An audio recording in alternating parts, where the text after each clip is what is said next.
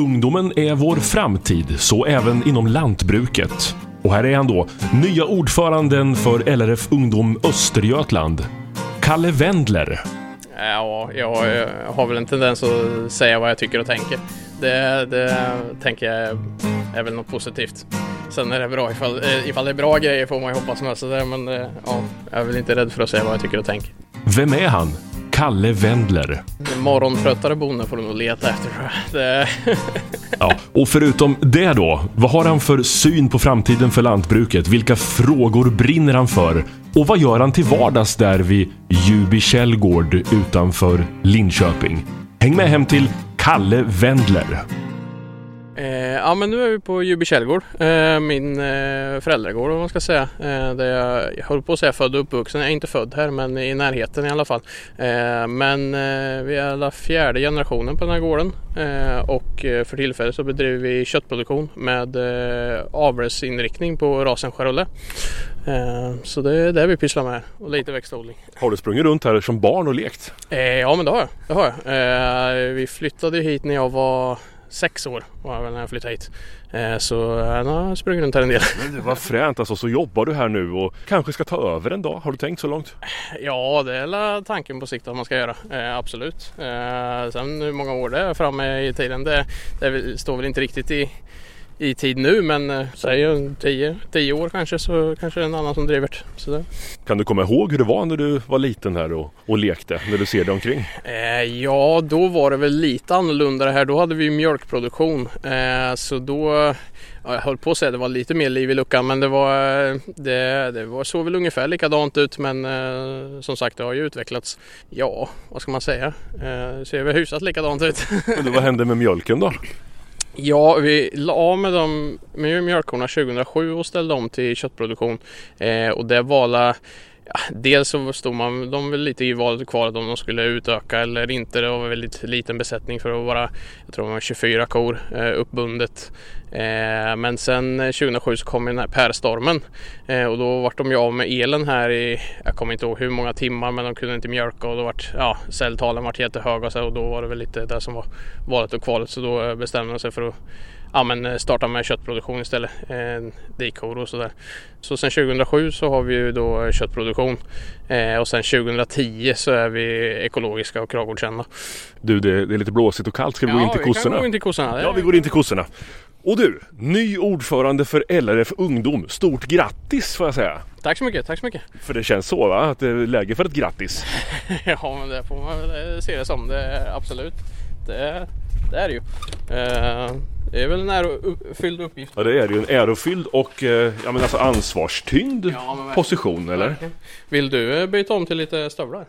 Ja, ja. gud det här skulle lyssnarna se. eller inte. Här kommer han. Ja, inte stadskillen för jag är från Åtvidaberg. Men, men alltså helt fel dojor. Ja, men får hitta någon som passar där. Men du, hur gammal är du nu då? Ska vi ringa in det först? Jag är 23 år gammal. 23 vårar eller vad säger man? 23 vårar. Och, och en erfaren lantbrukare, eller hur? Eh, erfaren, ja det får man väl... Eh, ja, det vet ju sjutton om man är men man har ju varit, jobbat en del sen man... Ja, vad ska man säga? Sen man var 14-15 så har man väl jobbat i alla fall. Eh, och sen utbildad på Vreta gymnasiet som det hette då, nu heter det Vreta utbildningscentrum. Eh, och sen har jag vidareutbildat mig till driftledare där också. Eh, för eh, jag gick ut där i våras, i mars slutade jag den. Eh, och så har man varit runt och jobbat på lite olika gårdar och sådär. Ja, de här 23 åren, vad, vad, har hänt i utvecklingsväg skulle du säga? Vad kommer du ihåg? Ja, kanske 23. Du minns inte så mycket från när du var 1, 2, 3 och så flyttade du hit när du var 6. Ja, Men under dina år du har minnet kvar ifrån. Hur har utvecklingen sett ut? Eh, det, det, har ju de senaste 20 åren så har det ju gått snabbt. Eh, men när man pratar med de som är, som är lite äldre och kommer ihåg mer så ja, men sen år 2000 så har det ju hänt mycket med GPS och mjölkrobotar och det hela. Så det, det har ju hänt mycket. Sen så, ja, vad ska man säga? Det, det har ju hänt mer på vissa fronter än andra. Men men eh, visst har utvecklingen gått framåt. Vad heter det där vi står det här rummet nu? Vad kallas det? Det här är ju före detta mjölkrummet där vi, mjölken kom förut och nu är det omgjort eller håller på att göra om det till lite mer så här semin, veterinärutrymme och lite sådär då. Eh, vi har precis fått in en diskbänk här som ska installeras med lite vettigt varmvatten hit och dit. Just nu är det lite röra här inne men det, Nej, det tycker jag absolut det ska, inte. Det har jag sett. Värre röror. Åh, oh, vilken liten söt kissunge! Ja, här finns det ett par stycken. Vill du ha med en hem eller? Vi har två fullvuxna, jag tror det skulle bli katastrof. Här kommer det två till! Ja då. Men hur många har ni? Eh, för många. Som vanligt. Ja, det är lite så. Man får hoppas de gör sitt jobb med att jaga råttor och möss och sådär. Jag brukar undra om, om katterna kan ha det bättre än i en laggård så här alltså. Nej, jag tror inte det. De sköter ju sig själva. De får lite torrfoder på morgonen men annars så får de ju söka egen föda förhoppningsvis. Och här borta har vi kossorna. Hur går de ihop med kattungarna? Eh, kattungarna är väl lite så här passivt, eh, vad ska man säga? De, de går ju in till dem konstigt nog men de, eh, de, ja, de blir ju inte jätteglada när de kommer för nära kan man påstå. Men eh, det går nog bra. Ligger och kikar på oss här nu. Ja. 0112 ligger och har en väldigt sån här blick och tänker vad händer nu? 112 tänkte döpa den till SOS. SOS. Men du, ordförande, ny ordförande i LRF Ungdom. Yes. Vad, vad ser du för viktiga frågor framåt? Eh, ja du, det där med viktiga frågor det är ju så svårt att svara på vad som är viktigast just. Eh, jag känner väl lite nu när jag tar vid att ja, men efter de här senaste tre åren som jag har suttit med, jag kom ju in i styrelsen precis innan Corona. Eh, och sen eh, då så har vi haft eh, två år nu av restriktioner och eh, dittan och dattan. Så det, det, vi försöker ju återgå lite till det normala förhoppningsvis nu om, om Corona fasas ut här lite. Och man kan återgå till de här sociala träffarna och allt det där. För det är det som ungdomen har ju varit mycket inriktat på. Ja, men, att man ska eh, anordna evenemang som åka på studiebesök och resor och eh, Elmia till exempel, stora lantbruksmässor och sådär. Eh, och sånt har vi inte kunnat göra nu då, för allt har ju varit inställt. Huvudfokus tror jag ligger lite på det här med att men, bemöta medlemmarna igen och ja, men, höra vad de tycker och tänker och vill att vi ska arbeta med. Eh, och eh, ja, men, försöka återgå till det normala igen liksom, eh, så som ungdomarna varit förut. Har det drabbat er? Ja det är klart det har gjort det men jag tänker på just att ni inte har kunnat träffats. Vad har det bidragit till eller orsakat? Ja du, eh, jag vet inte riktigt om det kan ha orsakat medlemsantalet och sådär att det har sjunkit. Det, tror jag knappast att det har på grund av att göra på grund av det. Men, men eh, det har ju varit tråkigt liksom. Många sådana träffar som man tänkte att det men här ska bli skitkul att anordna liksom har ju blivit inställt. Jag vet det var en grej som vi, vi bokade en lokal tre gånger om. Fick avboka den tre gånger liksom och sådär. Men eh, ja, vi har ju ändå lyckats att ha mycket digitala träffar eh, via Zoom och Teams och allt vad det heter. Dels så lyckades vi ju i somras när restriktionerna höll på att släppa lite fixa fältvandringar och sen eh, nu eh, senast nu efter september då när restriktionerna släpptes helt så fixade vi en afterskörd. Det är ju en fest vi brukar anordna här i Östergötland för ja, men, eh, medlemmar och icke-medlemmar också välkomna. Och bjuda på mat och bara liksom ha det allmänt gött liksom. Eh, sen har vi haft mycket, ja men eh, träffar via Teams och då kan det ju varit, ja men vi hade något möte med Landshypotek, med bank och så här och generationsskifte, träff och lite sånt här. Eh, så vi ändå lyckats göra en hel del. Det, det har vi ändå gjort. Och du som 23-åring då, vad ser du för framtid vad gäller att få in unga människor i lantbruket?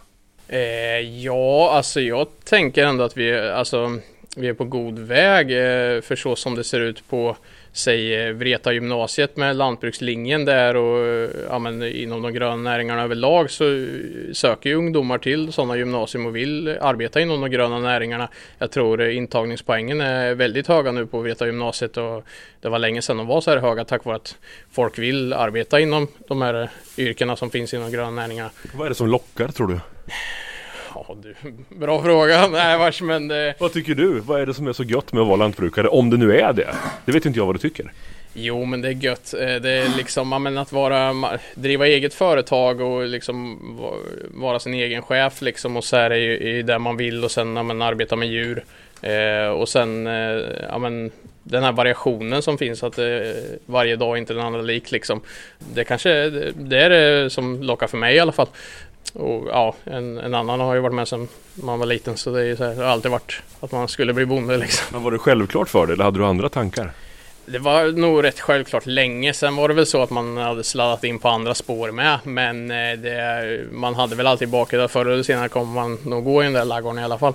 Ja, man vill ju både bli polis och brandman och hockeyproffs liksom. Men det, det, det vart inget med det. Nej, det är inte för sent än. Nej, nej det är ju inte det. Nej, nej. Och här kommer 112 till oss nu. Ja, precis. Lite nyfiken på vad som händer. Ja, men lite så. De, är, de här är ändå hyfsat eh, tama höll jag på att säga. De är, finns ju de som är värre. De eh, brukar säga att mjölkrasdjur de är så slicka och på allting liksom. De här eh, håller sig ändå på sitt, sitt avstånd men de är ju inte, de är inte rädda liksom. Men, eh, Nej, det är, de är mer så här smånyfikna. ja, ja, men precis. Men du, hur får du kossorna att vara så här tysta? Alltså jag har ju varit i många laggårdar i mina dagar.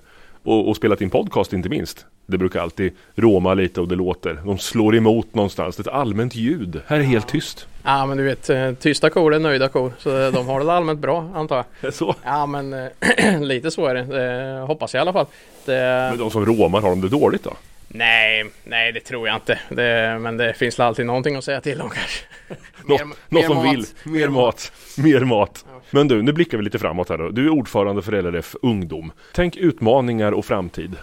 Vad ser du? Vad står ni inför, lantbrukarna? Vad står vi inför? Det är ju så mycket, jag höll på att säga problematik, men det, är, det låter ju jättenegativt då. Men, men det, är ju, det blir ju allt mer och mer byråkrati liksom. Den vill vi ju ska minska. Det måste ju bli enklare liksom. All, allt pappersarbete. Det är ju eh, Ja, och alla lagar och så här blir ju bara strängare och strängare liksom. Det är, det är ju inte, vi, vi ska ju ha lagar och så som vi ska följa. Absolut, men det, det måste finnas någon form av relevans i det de, där de stiftar in liksom och, och ja, förklaringar på varför man gör det. Det känns ibland som att de som ja, men, em, tycker och tänker väldigt mycket om, om, om hur, vi- hur vi ska sköta vårt arbete. Ja, det, Ta, ta ett exempel där alltså, för de som inte har en aning. Vad då pappersarbete? Eh, ja, men eh, vad ska vi ta? Det, det kan ju vara att eh, man kan, man kan ju liksom, vi kan jämföra med, med, med, med andra länder, alla, alla kontroller vi har liksom att ja, men det är eh, Länsstyrelsen ska göra sina kontroller och så är man eh, kravcertifierad så ska de komma ut och göra sina kontroller och det, det känns som att eh, Allting borde kunna ske med samarbeten och allt borde vara liksom mer samlat på ett samma ställe. För annars blir det väldigt mycket folk som ska komma ut och, och springa och kolla så att vi, vi, vi gör det vi ska och det, det, det, vi ska liksom kontrollera så man ska följa lagboken liksom men det, när det ropas att det ska bli ännu mer när vi har liksom Sveriges strängaste djurskyddslagar och liksom och kontroller upp över huvudet så då, då blir man lite, lite less på det liksom. Hur mycket tid lägger du på sånt då? Administrativa saker? Ja, men det, det blir ett antal timmar, det blir det ju. Alltså specifika timmar på det. Det, det. det kanske man inte sätter och det är väl lite det som är problemet med att man inte riktigt Man kollar inte riktigt hur många, många timmar man just ägnar sig åt det. Eh, det borde man väl bli bättre på. Ja, Ska vi ta en arbetsdag? Hur ser den ut? ja, ja men det kan vi göra. Vi, ja, vi eh, börjar ofta morgonen med liksom man går varvet. Snart blir, drar ju kalvningarna igång här. Eh, Hur dags börjar du jobba? Ja, när kalvningssäsongen drar igång försöker man väl komma upp i en sju i alla fall och starta dagen då. Gå varvet och se ifall det kommer några kalvar över natten. Eh, och sen så är det ju liksom att ja, men, ge korna mat, eh, kolla så de har rent och snyggt i alla boxar överallt. Och när det är gjort liksom då finns det alltid några, vad ska man säga, eh, reparationsarbeten som ska göras. Eller så går man in på kontoret och sätter sig där och håller på med papperna. Eh, vi som håller på med avelsproduktion med så är det ju, där är ju mycket dataarbeten och kolla på siffror på korna just. Det är ju någonting man tycker är kul åt andra sidan att se deras avelsvärden och, och allt vad som kan förbättras. Och där ligger man ju mycket tid. Och sen så, ja, på eftermiddagen igen så går man ju, går man ju varvet igen. Kanske fora lite och sådär. Så det, det är mycket jobb med djuren så här års. Hur långa arbetsdagar har du då? När går du hem? Just nu så är det nog väldigt mycket 7-4 tror jag. Det är normala tider. Eh, det är väl värre på sommaren. Då eh, kommer man hit vid 7 och sen vet man inte när man kommer hem. Men det, Hur funkar det där med familjelivet? Har du familj? eh, jag har flickvän för tillfället i alla fall. Ja, det, de, det gäller att man hittar någon som har förståelse för det. Och det känner jag väl ändå att jag har. Det är ju också någonting som man försöker förmedla liksom att det, det, det är ett jourarbete att ha djur. Eh, Du har liksom jour 24 timmar om dygnet. För händer det någonting med djuren, ja då måste du lösa det. Att få eh, någon att förstå det, det, det, kan, eh, det kan ta tid Är liksom. det så? Ja, men vad ska man säga, den, den normala svennen om man får säga så, den har ju ofta 7-4. Sen vet man ju att folk jobbar övertid, det är ju såklart folk gör, men det är ju Ja, jag, jag vet inte vad en, vad en brandman skulle ha för att ha jour 24 timmar om dygnet, 365 dagar i veckan. Det är liksom... Ja. Vad, säger du om yrket då som påverkar privatlivet på så sätt? Alltså det är, ju, det är ju inte till för vem som helst, det tror jag inte. Men eh, tycker man bara någonting är tillräckligt kul så, så går det att hålla på med. Nej, det är nog det man måste tycka det är tillräckligt roligt. Tittar du på Bonde söker fru? Har du sett det någon gång? Eh, ja, det har jag. Eh, senare år nu så har man väl slutat att följa det. Inte så eh, ja, mycket. Andra, andra medlemmar i familjen följer det, men, eh, men jag har väl inte tittat på det så mycket. Men det, men, det för det jag tänker på det är när det kommer kvinnor in till det här, det här företaget som det faktiskt är. Mm. Det är inte bara den här idyllen med mysiga fina hagar och snälla djur. Det är ju stenhårt arbete. Ja.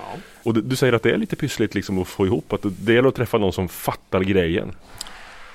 Ja, ja men precis, men det är där du har det med Bonde söker fru, att det, det, det, visar väl kanske inte riktigt den, den rätta bilden. Får in eh, fyra stycken tjejer som eh, under en vecka eller vad är de ses och eh, ja, de går ut där i kohagarna och picknick liksom, men sen kommer verkligheten veckan efter och det, det är frågan, ja, jag vet inte ifall det finns någon statistik på hur många av de där paren som träffas i Bonde söker fru. Det vet inte jag heller, men när hade du picknick i kohagen sist då? Ja, har det hänt någon gång?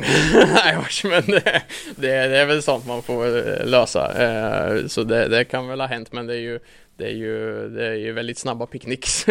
Snabba picknicks, ja, så länge det inte är massa pappersarbete. Nej, exakt. Så det ska du ta tag i, eller ni i ungdomsförbundet mm. ta tag lite i. Ser du några mer stora utmaningar som ni ska stångas med framåt?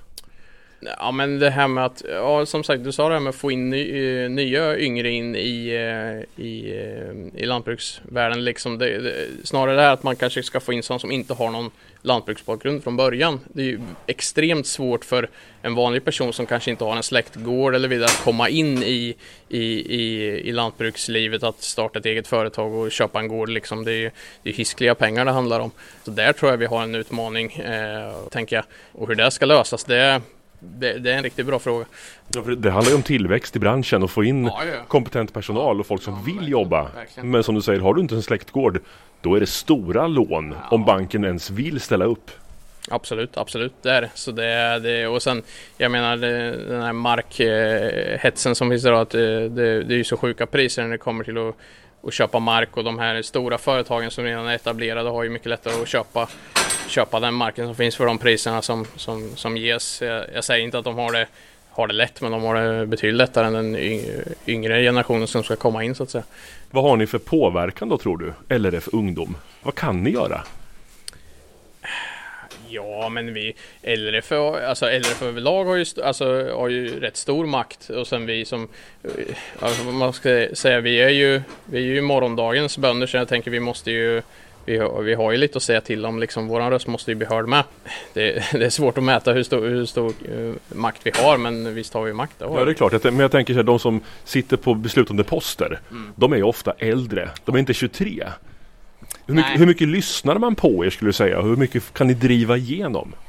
Ja, jag tror vi kan driva igenom mycket om man kommer med rätt argument och liksom, eh, ja men vad ska man säga, verkligen jobba för det man tror på. Ja, men att man, man, får, man får väl bevisa lite mer, så är det väl. Men eh, visst har man möjligheter tror jag.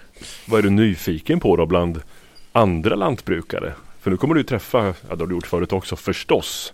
Men du får ju ett ansvar och kanske också ett större kontaktnät som ordförande i LRF Ungdom. Vad är du nyfiken på? Ja, men alltså det, är, det är kul att alltså, lära känna eh, mer kompetenta, alltså kompetenta personer och få, få, få ett, ett större nätverk. Eh, det, det är ju jättekul. Eh, och man kan ju alltid lära sig något nytt liksom. Och eh, med den kompetensen som finns inom LRF så med allt duktigt folk så ja, nej, det ser jag jättemycket fram emot. Och, har, har, du några förebilder i branschen? Ja, men visst har man förebilder. Alltså, det är ju det, det arbete som Peter Borring har gjort är ju helt enormt. Eh, så visst är han en förebild. Och sen finns det andra duktiga, mer duktiga företagare eh, som, eh, som man också ser upp till. Ja, nej, det finns som sagt mycket kompetent folk. Så det är så här. Men eh, Peter Borring framförallt när det kommer till ordförandeskapet. Han har gjort ett testarbete. Så där. Är det någon du ringer och, och ber om hjälp eller får lite så här influenser av? Det kan väl bli så i alla fall nu när man fått den här posten att man kanske ringer och rådfrågar mer.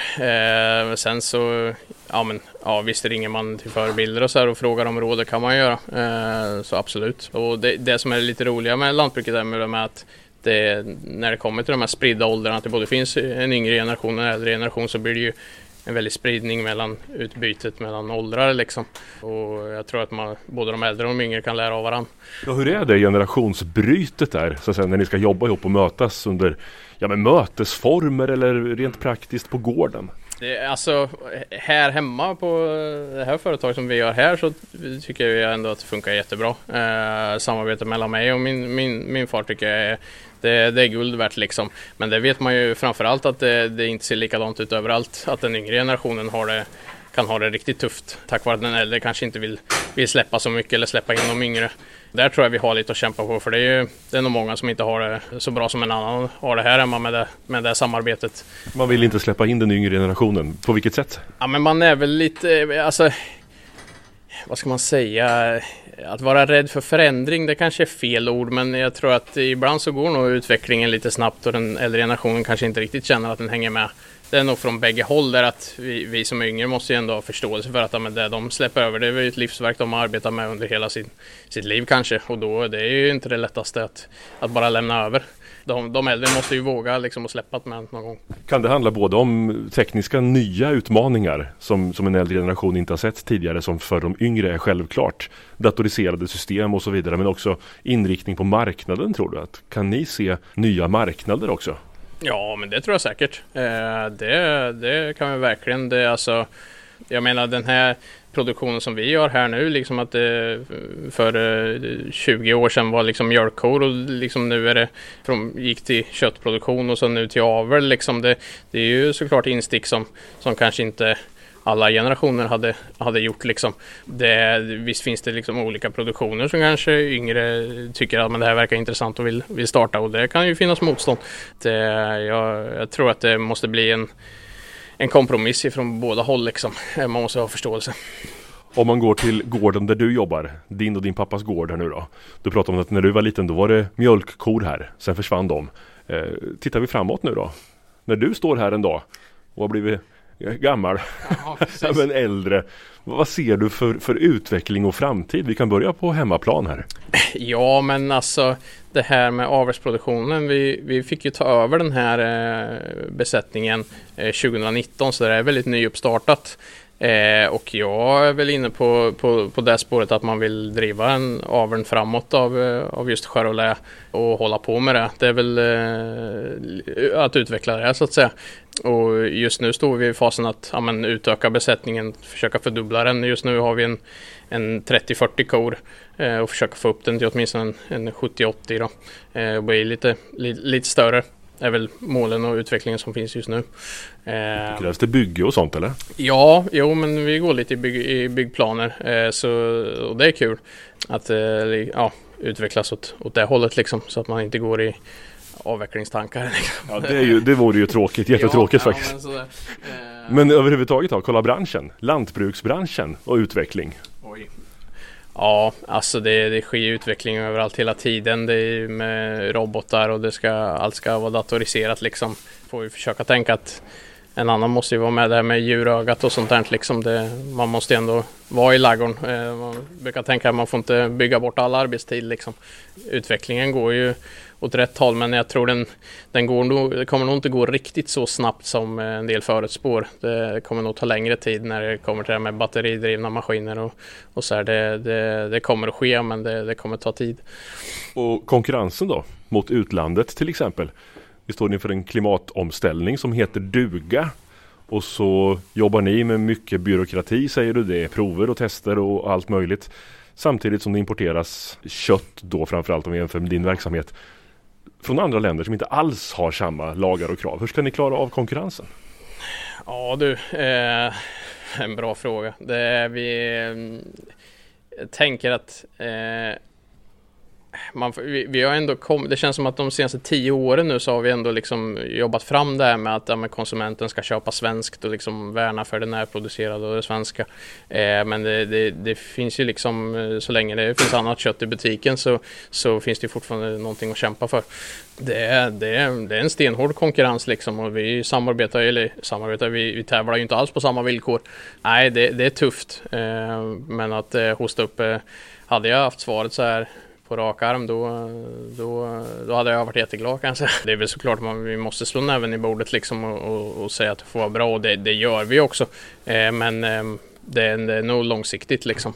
Vi gormar ju och skriker väldigt mycket om som att allting ska ske här. Att det är lilla Sverige som ska eh, rädda klimatet men det, det, det går inte om eh, de på andra sidan Östersjön fortsätter som de gör. Så jag menar det är väl också att, att eh, få det att det får vara få någon måtta på det hela. Att vi, vi, eh, visst, vi ska göra vårt, eh, liksom dra vårt eh, strå i stacken liksom. Men vi kan ju inte tro att det är lilla Sverige som ska, ska rädda hela världen. Det är väl lite där man börjar bli trött på också kanske. Men behöver ni tuffa till er lite? Alltså mot den här konkurrensen. Här i Sverige så är det förbjudet att producera kött på det sättet som de gör utomlands men det är helt okej okay att köpa in det. Vad säger du, är ni, är ni lite för mjuka och, och, fina och timida, ni lantbrukare? Det tycker jag nog inte att vi är ehm, och jag tycker att vi kämpar så hårt vi kan med, med det här. Men jag menar, det, det är ju vi, vi bönder, vi, vi sköter ju både våra, våra företag och samtidigt ska, ska man eh, strida mot de som eh, bestämmer. Eh, och det, det är ju klart att vi, man behöver väl kanske ha ha, ha hjälp ifrån andra håll eh, så att man, man kan försöka ja, men vilja ägna sig åt det här som man håller på med istället för att åka in och, och, och bråka med politiker. Eh, för det, det, är ju inget kul även fast det är ett måste i dagens samhälle uppenbarligen. Har du testat? Nej, jag, jag har inte, inte gjort så mycket än men jag tänker väl att det kanske kommer nu med, med den här posten att man får göra det mer eller så. Eh, vad och, tänker du om det då? Mötet med politiker? Jag tänker att det ska bli kul. Eh, att man liksom, man får ju, man får ju peka med, med, med hela handen vad, vad, vad det är som gäller liksom. Men, eh, men att man får vara smart och, och, och göra det på rätt sätt. Men eh, som sagt, jag tycker nog inte att vi är, att vi är mjuka för de, de, de, eh, de som sköter det idag. Liksom, de, de gör det jättebra. Eh, och som sagt, det är ingenting vi, vi, vi ändrar inte på, på tankegångarna liksom över en, över en natt. Så det, det är långsiktigt. Vad tror du blir din grej som ordförande i LRF Ungdom? Ja men när vi står här en dag och du har blivit gammal ja. och, och tänker tillbaks. Vad blev du känd för? Oj. Bra fråga. Eh, jag hoppas att man blir känd för något bra i alla fall. Det, det, det, vore, det vore ju tråkigt annars. Men, eh, ja, men det är klart att du blir det. Man, eh, man, jag man, tänkte om du skulle ha en viss ledarstil eller om du skulle liksom på något sätt det här, nu sätter jag min prägel på mm, något sätt. Mm. Ja, jag, jag, har väl en tendens att säga vad jag tycker och tänker. Det, det tänker jag är väl något positivt. Sen är det bra ifall, eh, ifall det är bra grejer får man ju hoppas med sådär men ja, jag är väl inte rädd för att säga vad jag tycker och tänker. Och du är inte rädd för att ta en fight heller? Verbalt? Nej, det hoppas jag inte. Det, det gäller att någon står upp för de svenska bönderna. Så. Vad var det som gjorde att du tackade ja när du fick frågan? Oj. Eh... Ja men det, ja. Vad var det som gjorde att man tackade ja? Man är väl, eh, har väl alltid haft en liten så här ja, ledarroll. Eh, och jag tänker att det, jag tycker det är någonting som jag trivs i eller passar som att leda människor liksom. Så det, det kanske var det att man tänkte att ja, men det här är nog nästa steg i att utvecklas inom liksom. För man hade varit med i styrelsen ett tag och tänkte att ja, men hur ska man ta sig till nästa nivå. Eh, så ja.